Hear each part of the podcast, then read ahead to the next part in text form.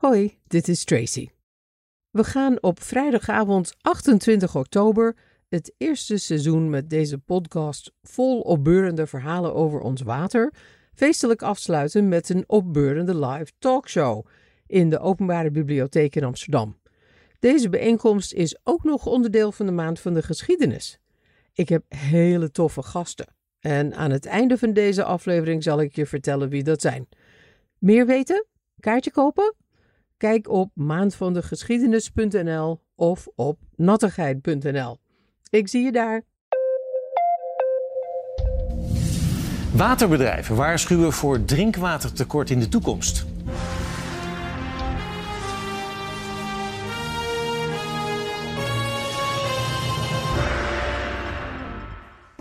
Dat was het 8 uur journaal van afgelopen 26 september. De verzamelde drinkwaterbedrijven luiden de noodklok. We gebruiken met z'n allen steeds meer schoon zoet drinkwater en dat is eindig. Ze moeten soms nu al aan nieuwe klanten nee verkopen. Maar vergeet niet, de ondertitel van dit programma is Opbeurende verhalen over ons water. En die heb ik ook gevonden. Je luistert naar Nattigheid, opbeurende verhalen over ons water. Nattigheid is een programma van mezelf, Tracy Metz, en wordt mogelijk gemaakt door Ons Water, een samenwerking van het ministerie van Infrastructuur en Waterstaat met alle provincies, gemeenten, waterschappen en drinkwaterbedrijven. Dit is aflevering 9. Schoon, schoner, schoonst. Het is je waarschijnlijk opgevallen dat het afgelopen zomer in heel Nederland, nee, heel Europa, nee, heel de wereld ontzettend droog was. In dorpen in Frankrijk kwam geen druppel meer uit de kraan. In China vielen fabrieken stil omdat er geen water was om elektriciteit op te wekken. En in Nederland hebben de verzamelde drinkwaterbedrijven een kaart vrijgegeven met daarop de gebieden waar nu al tekorten dreigen. Dat riep bij mij de vraag op: dreigt er nou een tekort aan drinkwater in Nederland? Er dreigt geen tekort aan drinkwater in Nederland. Nou, dat is een opluchting. Als Marieke Bonhoff zegt dat er vandaag de dag, althans nu, geen tekort dreigt, dan durf ik het ook wel te geloven. Zij is CFO van drinkwaterbedrijf Vitens, het grootste van Nederland, dus ze weet waar ze het over heeft. Maar uh, hoe zit het dan? Er valt gek genoeg meer regen op jaarbasis dan in het verleden. Alleen wat we wel zien door klimaatverandering is dat de aarde opwarmt. Dus we krijgen meer verdamping uh, van het water. Dus we krijgen meer weersextremen. Dus we hebben of hele extreme uh, regenbuien of extreme perioden van droogte.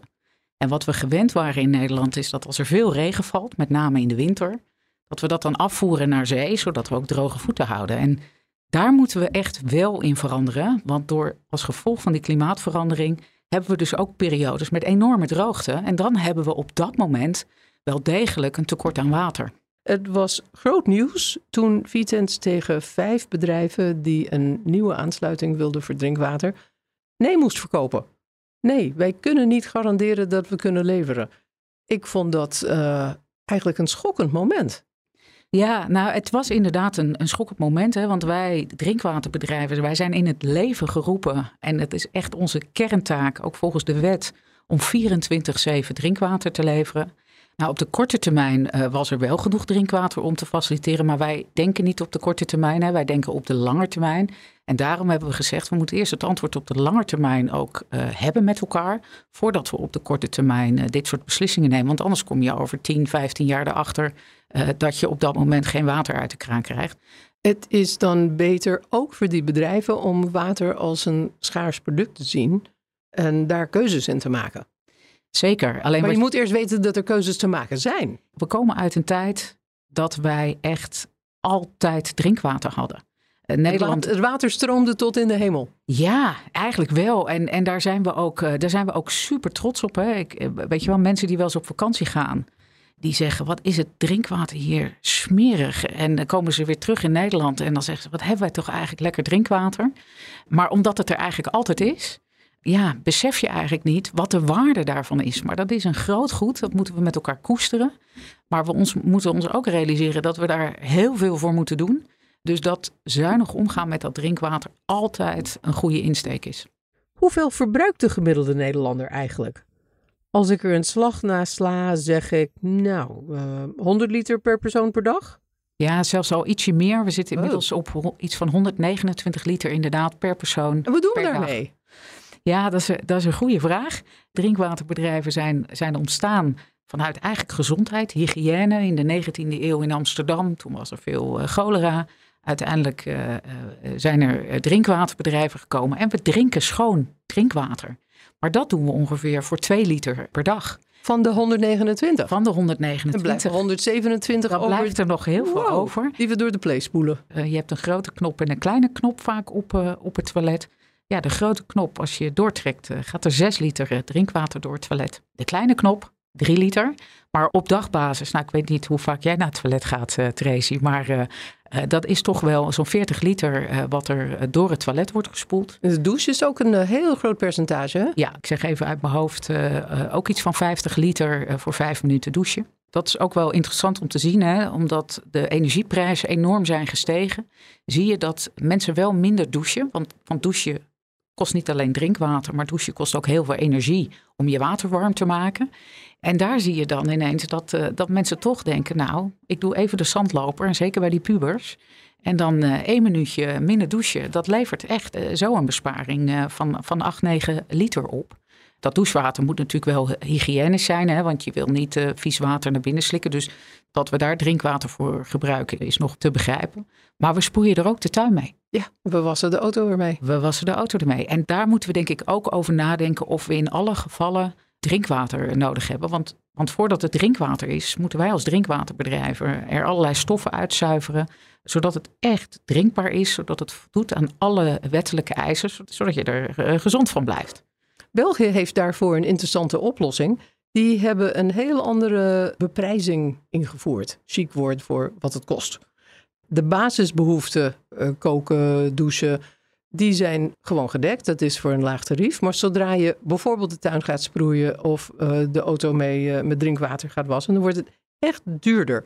Waarom doen we dat in Nederland niet? De bewustwording dat drinkwater eigenlijk een kostbaar goed is. Dat hoef je de huishoudens uh, en de mensen in Vlaanderen niet te vertellen. Dat uit zich onder andere in, uh, inderdaad in de beprijzing. Dat als het luxe is, dat je er meer voor betaalt. Dat leidt tot gedragsverandering, maar het is een heel mandje. Dus wat ze ook doen is uh, bijvoorbeeld in de huizen. Je hebt daar gewoon de verplichting om het regenwater op te vangen. Zodat je met dat regenwater wat je zelf opvangt, lokaal, je houdt het water vast, dus dat is eigenlijk ook heel goed uh, tegen de hittestress in de steden. Dat water gebruik je om je tuin te sproeien. En dan hoeft een drinkwaterbedrijf het niet eerst uit de grond te halen, het schoon te maken via een distributienet, wat ook allerlei, hè, dat kost veel energie, uh, bij de huishoudens te brengen. Dus ze hebben eigenlijk een heel mandje van maatregelen waarmee ze er echt voor zorgen dat het drinkwaterverbruik per persoon, heb je enig idee wat het niveau is? Hè? We hadden het net over Nederland, 129 liter per dag. Hoeveel er in Vlaanderen wordt uh, verbruikt? Nou, vast dus minder als ik dat zo hoor. Ik zet in op uh, 120. 80 liter. 80, dus het kan wel. Het kan wel. En als je dan bedenkt, als we dat in Nederland zouden doen. en je kijkt naar de groei van de vraag naar water. dan hoeven wij helemaal niet bij te bouwen. Dan hoeven wij uh, niet 15 jaar in een vergunningprocedure te zitten. Dan hoeven wij geen beslag op de ruimte te doen. Want die is dan niet nodig. Dus het, eigenlijk ligt het antwoord uh, voor het oprapen. Uh, en niet een theoretisch antwoord, een antwoord wat zich eigenlijk al bewezen heeft in de praktijk. Dus ik, daar moeten we naartoe. Fantastisch idee. Ik vraag me dan wel af, waar blijft de lobby van de drinkwaterbedrijven voor zo'n Belgisch systeem met getrapte tarieven? Volgens Marieke Bonhoff ontkomen we niet aan een radicale omwenteling in onze omgang met het water en zeker met ons drinkwater. Zullen wel moeten. En, en we moeten echt radicaal. Hè? Dus, dus dat, dat zeg ik uit de grond van mijn hart. Ik, omdat ik ook in de sector werk, in de drinkwatersector, ik zie met eigen ogen hoe hard het gaat in onze omgeving. En eigenlijk dat we toch als samenleving te traag zijn met onze antwoorden. Het is ook niet makkelijk, maar we moeten echt toe naar het doen. Uh, we hebben echt genoeg gedacht. We weten uh, wat onze opgave is. Laten we doen. Het is ingewikkeld om alles tegelijkertijd aan te pakken. Maar laten we dan uh, gewoon durven. Pak een goede pilot. Doe iets vernieuwend via het groeifonds. En zeg we gaan investeren in de waterfabriek van de toekomst. Laten we het gewoon gaan doen, daarvan leren en dan het weer doen en dan zo een sneeuwbal creëren. Want, want als je, nou ze zeggen wel eens een olifant moet je in kleine stukjes opeten, maar we moeten wel echt die eerste stap met elkaar gaan zetten en daarin ook een, een radicale stap durven zetten. Voordat we de hele infrastructuur van dit land gaan omgooien, laten we kijken naar een paar particuliere initiatieven om water te besparen en opnieuw te gebruiken. Het leuke is, ze zijn al op de markt. By the way, ik heb geen aandelen hoor. Water maakt ons schoon, troost ons, verfrist, laat ons genieten en ontspannen.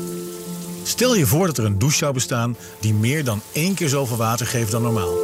En dat diezelfde douche een klein beetje vers water en 90% minder energie verbruikt. De Upfall Shower. De krachtigste, zuinigste douche ter wereld. De Upfall Shower gebruikt volgens de fabrikant in plaats van de reguliere 20 liter per minuut slechts 2 liter schoon water. De rest wordt tijdens het douchen opgevangen, gereinigd en meteen opnieuw gebruikt. Ik spreek uitvinder René Betgem in zijn showroom in Almere, waar hij bijna 10 jaar geleden de eerste Upfall op de markt bracht. De showroom klinkt groot en hol, daarom zijn we maar in de buitenstudio van Nattigheid gaan zitten. In de sauna. Hij heeft trouwens nog wel zijn kleren aan. En ik ook. Hallo René. Hi. Hallo. Hoe ben je op het idee gekomen? Het uh, idee is uh, bijna twintig jaar geleden ontstaan. Uh, toen we thuis een grote regendouche kochten en een grote cv-ketel. En vervolgens mijn dochters douchtijden maakten van een half uur tot drie kwartier. Oh, die pubers ook. Ja, en voor heel veel klanten is dat ook een herkenbaar verhaal. En we kregen torenhoge gasrekeningen, dat was het gevolg. En daar is het idee ontstaan. En toen eigenlijk merkte je voor het eerst hoezeer douchen niet alleen over het verbruik van drinkwater gaat, maar ook van gas. Ja, klopt. Ja, en dat was iets wat uh, echt niemand in de gaten had. Uh, mensen hadden het alleen maar over de hoeveelheid water, maar water kost toch niks. Hè, dus het maakte eigenlijk maar niks uit. En men ging telkens meer kiezen in badkamers voor uh, regendouches. Ah, regendouches zijn heel populair. En de opval is ook een regendouche. Maar met uh, dat verschil dat de normale regendouche die mensen kopen uh, zo'n 15 tot 25 liter water per minuut opslurpt en de upval maar 2 liter. Twee? Ja. Nou, dan komt er wel een lullig straaltje uit jouw regendouche, denk ik. Nee, als je het zou meten wat uit de douchekop komt van de upval shower, dan meet je 35 liter per minuut okay. wat eruit komt. Hoe kan het dan dat hij maar 2 liter gebruikt? Hoe werkt het systeem? De upval bestaat uit twee douches. Je hebt een normale uh, handdouche, dat is een spaardouche met een heel zielig straaltje. en kies je. Ja. Al zegt de verkoper het zelf. ja, ja, maar goed, dat is de mening van de meeste mensen. Die staan niet graag onder zo'n straaltje. Maar uh, bij de upval vangen we zeg maar het douchewater op in een klein reservoir. En het hele systeem zit in totaal maar 8 liter water. En dat circuleert en dat wordt dan gefilterd, gedesinfecteerd met UV-licht. Terwijl die 8 liter dus rondpompt, wordt er continu een beetje schoon heet water bijgemengd. Daardoor blijft de douche op temperatuur en daardoor ververst ook het water in het systeem zich iedere minuut. Dus je zit niet in je eigen vuile douchewater nee. te hergebruiken? Nee, nee, absoluut niet. Sterker nog, je hebt het totaal niet in de gaten. Je hebt 8 liter waar je mee start. In het begin uh, mengt hij wat meer heet water bij. Maar dat betekent ook dat als je er 2 liter water bijmengt, dat er ook 2 liter oud water het riool ingaat. Dus je verbruikt maar 2 liter water per minuut. En dat betekent dat je zonder schuldgevoel eindeloos onder de douche mag staan. Ja, van de meeste klanten horen we dat ook, dat ze in het begin natuurlijk lang douchen. Maar als het nieuwtje eraf is, dan uh, gaan mensen terug eigenlijk naar een normaal douchepatroon van een aantal minuten. Maar zelfs al de douche maar vijf minuten, dan heb je nog minder uh, water dan je normaal uh, tien minuten zou douchen. Dus je, je bespaart altijd. Mensen die dit kopen, zijn volgens René Betgem toch al bezig met een bewuster levensstijl, waarmee je water en energie bespaart. De opval is wel in aanschaf duurder dan een gewone douche, Maar, zegt hij, dat verdien je uiteindelijk terug. En omdat douchen een wellnesservaring is en blijft, heb je tegenwoordig ook uitvoeringen met toeters en bellen, als stoom, gekleurd licht en zelfs Bluetooth-luidsprekers ingebouwd in het glas. En hij is verkrijgbaar met koper- en goudkleurige kranen. De opval staat inmiddels ook in hotels en vakantieparken, soms in tientallen. Hotels gebruiken namelijk veel meer water dan mensen thuis. Wel 190 liter per dag in plaats van 130. Er is ook interesse uit het buitenland. Het klinkt alsof de opval een duurzame oplossing is voor water- en energiebesparing, waarvoor je geen offer hoeft te brengen. Heel fijn. Maar als je in je hele huis water wilt besparen en hergebruiken, dan is er weer een andere uitvinding. Hydroloop. Geniet van douche en bad en bespaar water en energie. De Hydraloop. Wat is dat precies? De Hydroloop is een, een apparaat waarmee je zeg maar licht verontreinigd water in je huis of in elk gebouw eigenlijk kan opvangen. En dan kan je het reinigen en dan kan je het voor een tweede keer gebruiken in het gebouw voor die toepassingen waar je helemaal geen drinkwater voor nodig hebt. Dat is Sabine Stuiver. Samen met haar man Arthur heeft ze dit apparaat ontwikkeld. Je hebt geen drinkwater nodig voor je wc, voor je wasmachine en voor je tuin. Onzin en heel erg dat wij daar nog steeds drinkwater voor gebruiken. Ja, echt onbegrijpelijk hè? Maar Ja. volgens mij is dat in eh, rap tempo aan het veranderen. Ja, absoluut. Dus dat water dat al een keer gebruikt is, bijvoorbeeld douche, dat gaat niet de riool in, maar dat blijft in de Hydraloop. Ja. En wordt daar gereinigd. Wij gebruiken allemaal 130 liter per persoon per dag in huis. Daar wassen we mee, daar douchen we mee, al, allemaal dingen. Nou, we drinken er dus eigenlijk maar twee van. En die andere gaan allemaal worden heel even gebruikt en gaan dan meteen weer het riool in. Je hebt zwart water, dat is van de keuken, dat je in de wc doorspoelt, zullen we maar zeggen. Maar al dat andere water, dat heet eh, grijs water. Dat is licht verontreinigd. Dus dat is van je douche, je bad, je wasmachine. Maar dat is ook bijvoorbeeld condensatiewater van je warmtepomp of een airconditioning of bijvoorbeeld van een wasdroger.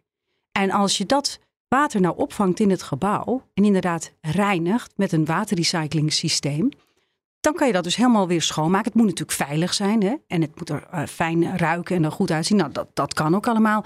En dan kan je het inderdaad nog een keer gebruiken. En de Hydraloop, dat is dat reinigingssysteem. Ja. Hoe groot is dat ding dan wel niet? 130 liter? Nou, we, we hebben meerdere maten. Voor zeg maar een vier of vijf eh, persoons eh, huishouden is die 80 centimeter breed, 34 diep en 1,85 hoog. Dus denk een soort aan een Amerikaanse koelkast, om er een beetje een soort idee bij te krijgen. Maar hij is niet zo diep als een koelkast. En waar zet je dat dan neer in je huis? In de kelder, als je er een hebt? Of, eh, Ja, bij mij staat hij bijvoorbeeld waar mijn wasmachine ook staat. Of een technische ruimte, of in je, in je kelder, of in je garage, of zoiets. Ja, niet in je slaapkamer. Nou, ik heb ook geen koelkast in mijn slaapkamer staan. Nee, dat is waar. Nee, dat is waar. En dit zou je kunnen noemen decentrale waterzuivering. Ja, het heet eigenlijk zelfs extreem decentraal water recyclen. Want decentraal gebeuren dingen dan bijvoorbeeld op wijkniveau. En dit is extreme decentral water recycling. Het is helemaal in het gebouw. Per huishouden. Per huishouden, per, maar we doen niet alleen voor huishoudens, hè, maar het kan ook per gebouw. Een vriend van hen had een vroege voorloper van de Hydraloop bedacht. Maar dat bedrijf ging in 2010 in de crisis ten onder. In 2015 besloot Arthur, dan doe ik het. Hij had de tijd en het geld en het patent en vooral ook een sense of purpose. Het moest toch mogelijk zijn om in huis water te recyclen. Hij heeft dat eerste prototype bij hem en Sabine thuis uitgeprobeerd. Na een week gebruiken brachten ze de watermonsters naar het lab. De resultaten waren niet goed. Er zat maar één ding op: helemaal opnieuw doordenken met een andere methodiek en een andere uiterlijk. Dat is uiteindelijk de Hydraloop geworden. De waardes van het water niet voldeden, volledig niet voldeden aan welke standaard dan ook. Dus ja, dan kan je twee dingen doen. Dan kan je dus zeggen van nou, dan stop ik nu. Maar dat past niet zo bij Arthur. En eh, die dacht, ja, verdorie, het was wel vervelend. Maar nou, dan moet ik gewoon opnieuw gaan beginnen. En die is dus volledig ja, out of the box. In het Engels heet dat heel mooi tinkering. En, maar hij is van alles gaan uitproberen. Hij is overal gaan kijken waar wordt water schoongemaakt. En ja, en dan is het een kwestie van doen. Dus ik ben hem twee jaar eigenlijk in de garage kwijtgeraakt. In zijn spijkerbroek. Trial and error. Maar toen had hij de techniek wel zo creëerd dat die, die samples die we naar het lab brachten, dat die dus voldeden aan de allerhoogste internationale standaarden. En dat was Amerika. Daar voldeed het aan. Dus hij wist, nou, nu is de techniek goed. Nou, en toen is hij dat gaan designen. En in november 2017 uh, stonden we op de beurs met ons eerste product, wat gewoon nog uit de garage kwam, maar al wel helemaal uitzag zoals ze nog steeds uitzien. Een Nederlander gebruikt gemiddeld ruim 47.000 liter water per jaar. Met de Hydroloop, zegt Sabine, bespaar je bijna de helft. Een gemiddeld gezin van vier personen kan tussen de 50 en 75.000 liter per jaar besparen. Dat is een beetje wat onze klanten doen in water. En er komt een moment aan dat we dat, als de uh, prijzen van drinkwater gaan stijgen, en dat ziet iedereen aankomen, ja. dan gaan we dat echt wel merken in onze rekening. Absoluut. Uh, als we nu al kijken, in meerdere landen wordt het dus waterbesparen ook al verplicht in het bouwbesluit. En wij zijn er natuurlijk ook mee bezig dat dat eraan zit te komen. Daarnaast bij onze Belgische buren betalen ze al 4,60 euro per 1000 liter water en wij maar 1,50 euro ongeveer. En in Denemarken betaalt een normaal gezin, hè, dus dan heb ik het niet over een zwembad en dingen, maar een gewoon rijtjeshuis, betalen ze 1500 euro per jaar aan water en afvalwater. Als je dan dus 45% kan besparen. ik zie Tracy kijken. Wow. Als je dan 45% kan besparen, dan ben je dus binnen 4, 5 jaar heb je het apparaat eruit en gaat hij voor jou geld verdienen. Wat vind je van die Deense prijzen? Is dat uh, realistisch? Ja, het is natuurlijk hoog. Kijk, ik wil niemand op kosten jagen natuurlijk, maar laten we gewoon teruggaan de echte waarde van water. En de echte kosten van water, die worden niet aan ons doorberekend. En dus dan beseffen we ook niet de waarde van dit mooie product. Het is een grondstof en wij hebben altijd gedacht, nou ja, dat is een soort eeuwig uh, spuitende fontein.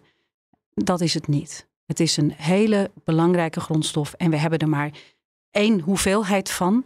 En we krijgen steeds meer mensen op de planeet. Dus we zullen er steeds circulairder en mooier en beter mee om moeten gaan. En het kan, want de innovaties zijn er. We moeten ze alleen implementeren en gebruiken. Dankzij dit apparaat wordt water dat maar een beetje gebruikt is, niet onnodig naar het riool weggespoeld. Het hoeft dus niet nog door het hele proces heen van afvalwaterzuivering, om daarna weg te lopen in het oppervlaktewater. Dat zullen de verzamelde drinkwaterbedrijven toejuichen, denk ik, nu ze publiekelijk hebben gewaarschuwd dat er zelfs in het ooit zo natte Nederland een tekort aan drinkwater dreigt. De echte waarde van water. Daar is het Lian Poa ook om te doen. Zij is ecoloog en filosoof en auteur van het boek Drinkbare rivieren. Over haar kweesten om de rivieren van de wereld weer gezond te maken. Ik spreek haar in haar nieuwe huis, waar net vanochtend de nieuwe regenton is bezorgd. Ze laat me de volgende dag weten dat hij na een fikse bui de volgende ochtend al tot de rand toe is gevuld. Ik heb haar gevraagd een passage voor te lezen uit haar boek, dat ze samen met haar partner Maarten van der Schaaf schreef. Het gaat over een openbaring die ze beleefde tijdens een kanotocht over een rivier in Canada. Ik kijk naar het water dat nog in lijnen van mijn handen ligt. De druppels fonkelen in de laaghangende zon. In mijn ooghoeken wellen tranen op. Het emotioneert me. Natuurlijk, zo dronken onze voorouders altijd water. Waarom is dat nooit eerder bij me opgekomen? Hoe kan het dat ik me überhaupt nog nooit heb verbeeld dat je uit een rivier zou kunnen drinken? En dat terwijl ik geboren ben in Nederlandse Delta, een rivierenlandschap bij uitstek, waar de Maas en de Rijn na een lange reis samenkomen en één pot nat vormen vlak voordat ze de Noordzee instromen. Mooi, toen ik dat las dacht ik, ik begrijp waar dit heen gaat en wat jou drijft. En dat zo'n ervaring, nou, je leven kan veranderen. Ja, dat heeft het gedaan, ja. ja. Het heeft zo het water centraal gesteld, leidend gemaakt, maar ook het diepere gevoel dat je erbij kan hebben. En ook je plek in de wereld en voelen van dat jij daar betekenis in kan hebben. En dat we het ook kunnen verpesten zelf. Zeker, want dat is dus wat daarna, kort daarna gebeurt. En daar schrijven we ook over. Van dus die, eerst die ervaring, ja, die noem ik echt een schoonheidservaring. Ja, dat ik nog niet eerder zo had beleefd.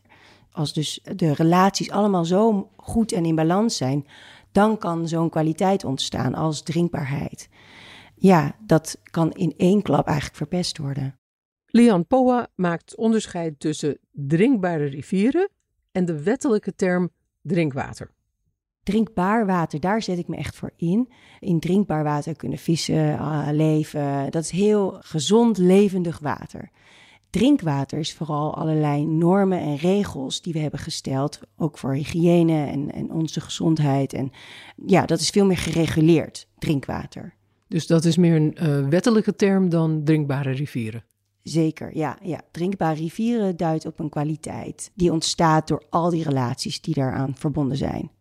Lian begint haar boek met een beschrijving van haar eigen ontdekkingsreis langs rivieren, zoals de Rupert in Canada, en ook langs plekken waar juist geen water is, zoals de Mojave-woestijn in Californië.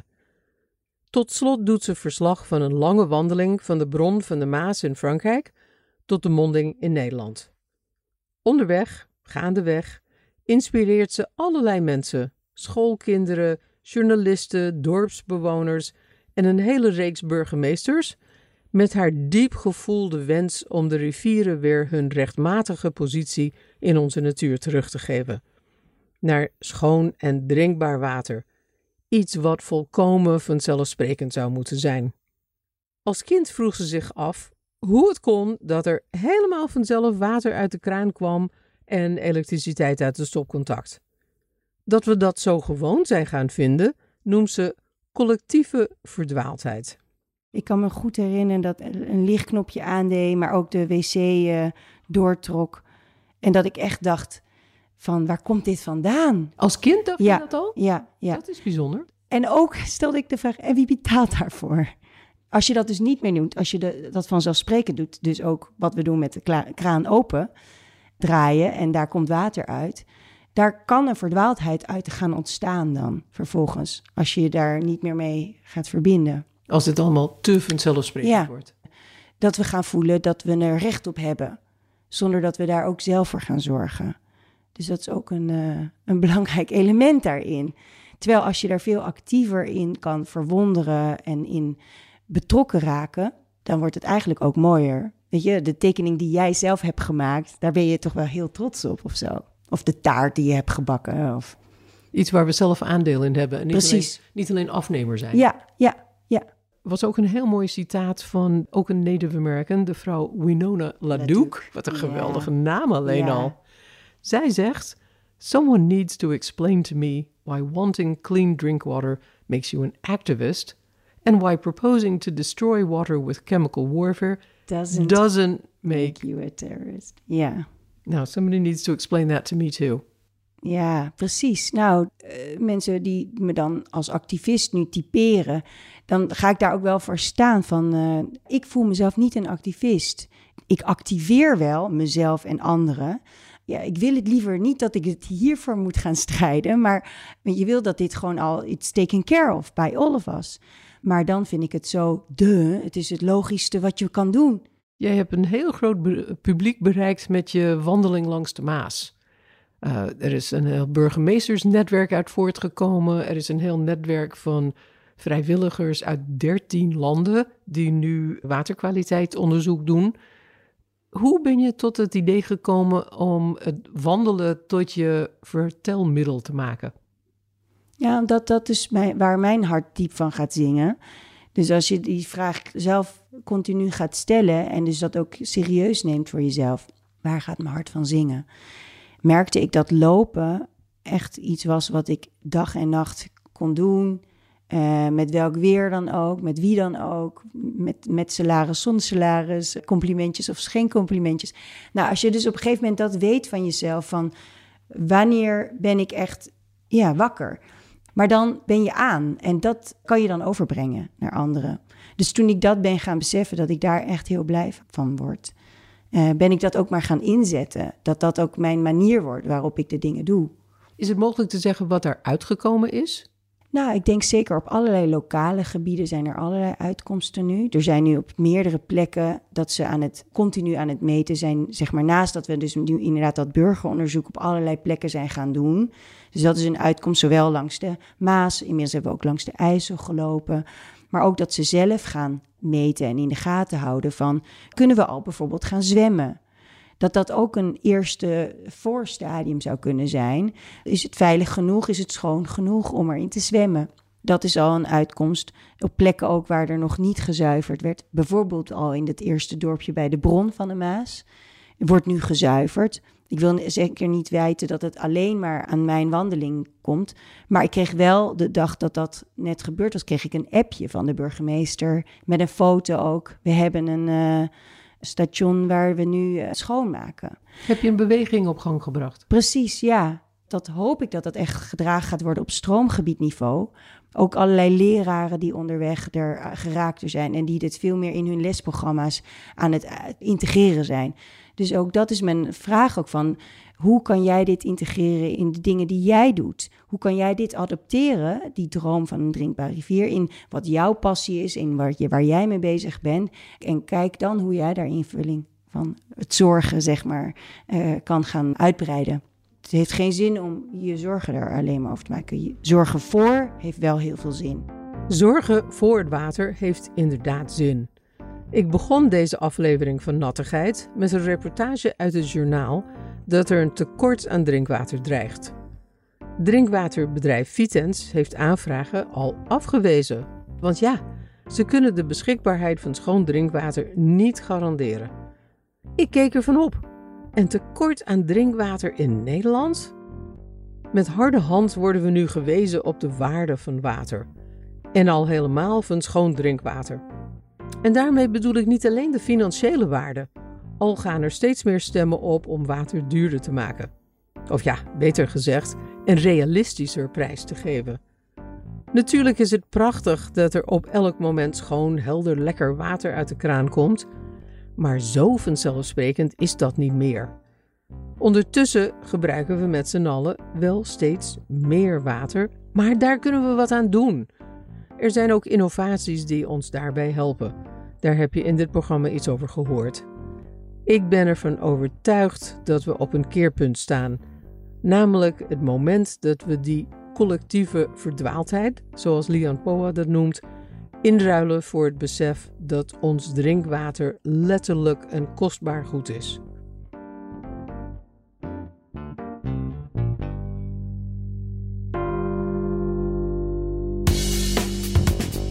Je luisterde naar Schoon, Schoner, Schoonst, de negende aflevering van de podcast Nattigheid. Een programma van mij, Tracy Metz. Deze opbeurende verhalen over ons water worden mogelijk gemaakt door Ons Water. Neem een kijkje op hun website, onswater.nl. Onze producer is Jonathan Grubert en wij schrijven samen het draaiboek. Wesley Schouwenaars is onze technicus. Wil je meer weten? Kijk op nattigheid.nl. Daar vind je meer over de mensen en de plekken in deze episode. Bijvoorbeeld de uitgebreide versie van mijn gesprek met Lian Poa over drinkbare rivieren. Dat is nattigheid.nl. En je doet me een groot plezier als je een recensie achterlaat op je favoriete podcastplek.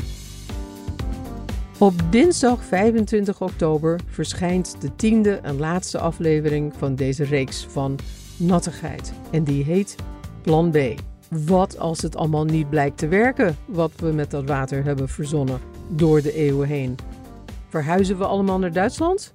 Verdwijnt Rotterdam in de golven? Wordt het een drijvende stad? Hebben we eigenlijk een plan B? Op vrijdag 28 oktober gaan we samen de finale van dit seizoen van Nattigheid vieren.